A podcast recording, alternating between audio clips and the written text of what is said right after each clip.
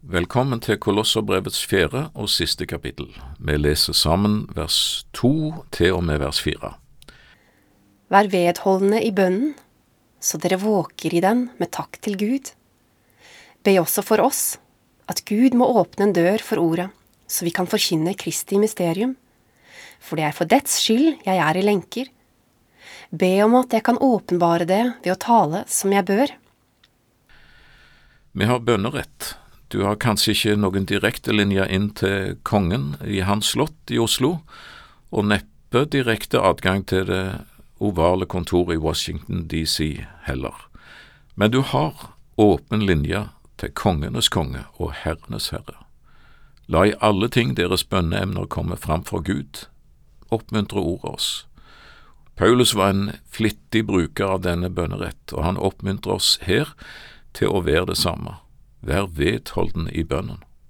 Fortsett å leve i bønn. Slutt ikke av. Gi ikke opp. Sovne ikke på din post. Vær åndelig våken, årvåken, skriver han om. Ja, det går an å sovne på sin bønnepost. Det gjorde disiplene på Forklarelsens berg, da deres øyne var tunge av søvn, står der, og det gjorde de òg i Getsemane, da Jesus ba de våke med han i bønn. De sovna, og Jesus vekker de. Sovna, og Jesus vekker de igjen. Sovna for tredje gang, og bråvåkna, omringa av fiender. Vi lever i en åndelig talt søvndyssende tid. Verden sover i sine synder, og hva med oss? Våk, deres motstander djevelen går omkring som en brølende løve og søker noen han kan oppsluke. Det gjelder så mye. Det gjelder evigheten, frelse eller fortapelse. Vi behøver at Jesus vekker oss så han vekker disiplene sine i gammel tid. Bønn og forbønn står det om i dette avsnittet.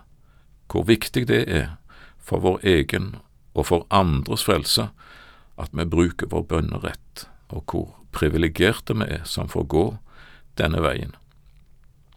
Gang på gang minner Paulus oss om takkens plass i vårt bønneliv, at vi våker i bønn med takk til Gud. Jesus helbreda ved en anledning ti spedalske. Av de ti var det én som vendte tilbake, falt ned for Jesus og takket ham. Det gleda Jesus, og det smerte han at ni av ti ikke takka. La oss være av de som takker. Vi har så mye å takke for. Frelse og barnekår og liv med Jesus, bønneretten, alle løftene vi har i Skriften. La oss ikke glemme å takke og ære Herren for det alt. Be også for oss, fortsetter Paulus i vers 3. Han ber om forbønn for og de andre, og han ber helt personlig for seg sjøl i vers 4 om forbønn. Paulus var ikke for stor til det, han var ikke sjølhjulpen, og han la aldri skjul på at han var en stor forbruker av Guds nåde, som en mann uttrykte det. Nå ber han om en åpen dør i vers tre. Ja, det er jo ikke så rart, kunne en tenke, mannen satt jo i fengsel i Rom, i keiser Neros tid. Han bar vel om en reprise av fengselsoppholdet i Filippi, da alle dørene spratt opp og lenkene falt av, eller et under som Peter opplevde i Jerusalems fengsel, da jernporten åpna seg og han var fri. Nei, det er ikke det Paulus ber om. Han ber om en åpen dør for ordet. Han ber om ikke å bli forhindra i å forkynne evangeliet, Kristi hemmelighet. Han ber om å få presentere evangeliet slik det fortjener å bli presentert, vers fire. At ikke Kristi kors skulle tape sin kraft når det kom over hans lepper. Det var Paulus sin nød. Han sitter i fengsel, og dette er det han ber om. La meg få lov til å være et redskap til å åpenbare Kristi hemmelighet. La meg få forkynne evangeliet som det bør, som det fortjener å bli forkynt. Dette sier så mye om personen Paulus, og sier oss òg at det ikke var tomme ord, det han sa på sin vei mot Rom og mot fengselsoppholdet som han nå sitter i. En vei som gikk eh, via Jerusalem, der Paulus ble tatt til fange for siden og ble utlevert videre til Rom. Og Paulus visste når han gikk den veien, at her er det trøbbel i vente. Han ble advart mange ganger og på forskjellige måter, så han regna med døden, og venner trygla han om å ta en annen og lettere vei. Men Paulus var ubøyelig. Han skriver om det eller i Apostlenes gjerninger, kapittel 20, og han sier at for meg selv akter jeg ikke mitt liv et ord verdt, bare jeg kan fullende mitt løp og den tjeneste jeg fikk av Herren Jesus og vitne om Guds nådes evangelium. Det er alt som betyr noe, sier Paulus for meg.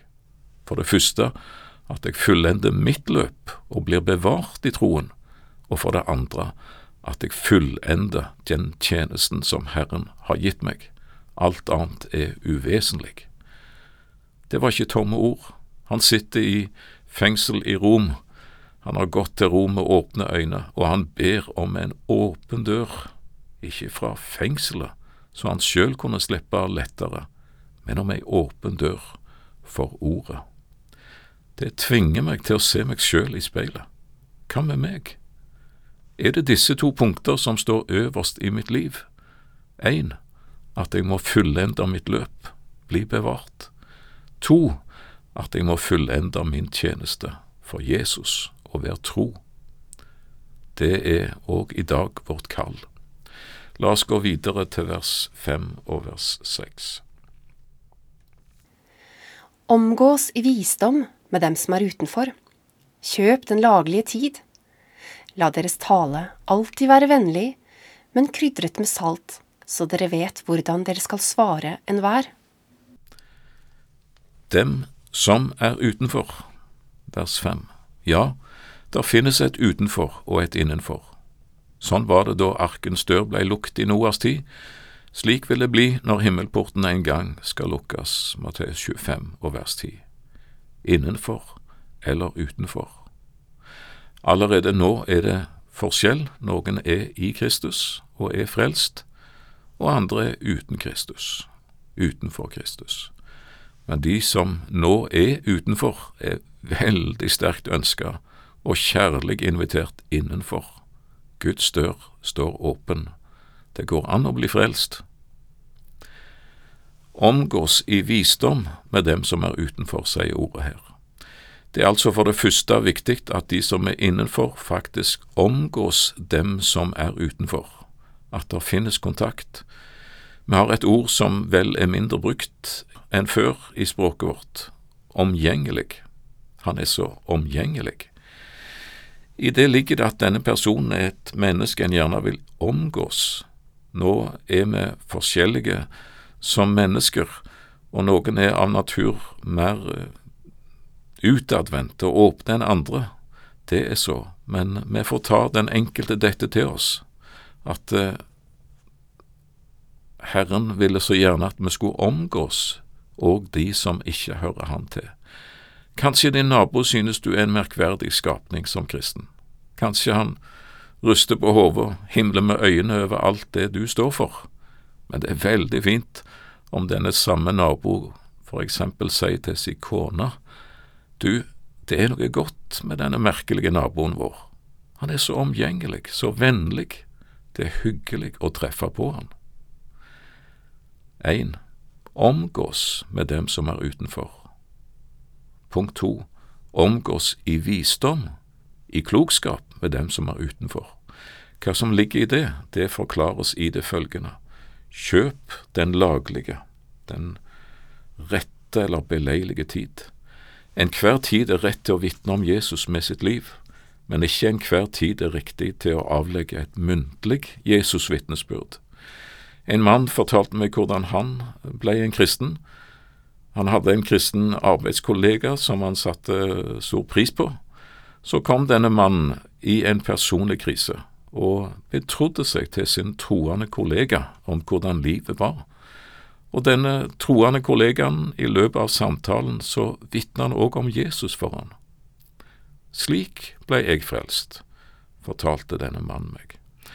Så hans troende kollega hadde med sitt liv kjøpt seg anledningen til å komme med et troverdig vitnesbyrd om Jesus. Hans liv hadde vitna, derfor var hans ord troverdige. Og så kjøpte han i tillegg den rette tid, det rette øyeblikk, og si de gode ord om Jesus. Må Herren få lede oss til det.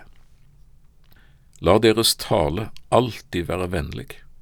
Ja, viktig påminnelse det. Nåde står det på grunnteksten. La deres ord være nådefulle, sagt i godhet, vennlighet, men krydret med salt. Våre ord skal altså ikke være søta med sukker eller kunstige søtningsstoffer, men krydret med salt. Saltet bevarer. Saltet skaper tørst, er smaksforsterker, virker rensende og blei i denne tid brukt medisinsk og dessuten i forbindelse med paktsinngåelser, som vennskapstegn med mer, og vi vet jo òg dessuten at salt smelter is. Dere er jordens salt, sa Jesus. La deres tale være krydret med salt, minner Kolosserbrevet oss om. Vær en tydelig kristen, i liv og i ord, så dere vet hvordan dere skal svare enhver. Det betyr ikke at du skal ha alle svar på alle spørsmål. Ytterst få mennesker er vunnet for Jesus etter knallharde diskusjoner, men mange er vunnet ved et enkelt Jesus-vitnesbyrd. Det var ikke så mye han visste svar på, den blindfødte mannen i Johannes kapittel 9, og det innrømmer han òg. Jeg vet ikke så mye, men ett vet jeg, jeg var blind, nå ser jeg. Det var ord det var salt i, det. Ja, for all del, la oss søke kristen kunnskap, og enda mer, la oss søke kjennskap og nærhet og fortrolig samfunn med Jesus, for det vil prege både vårt liv og våre ord.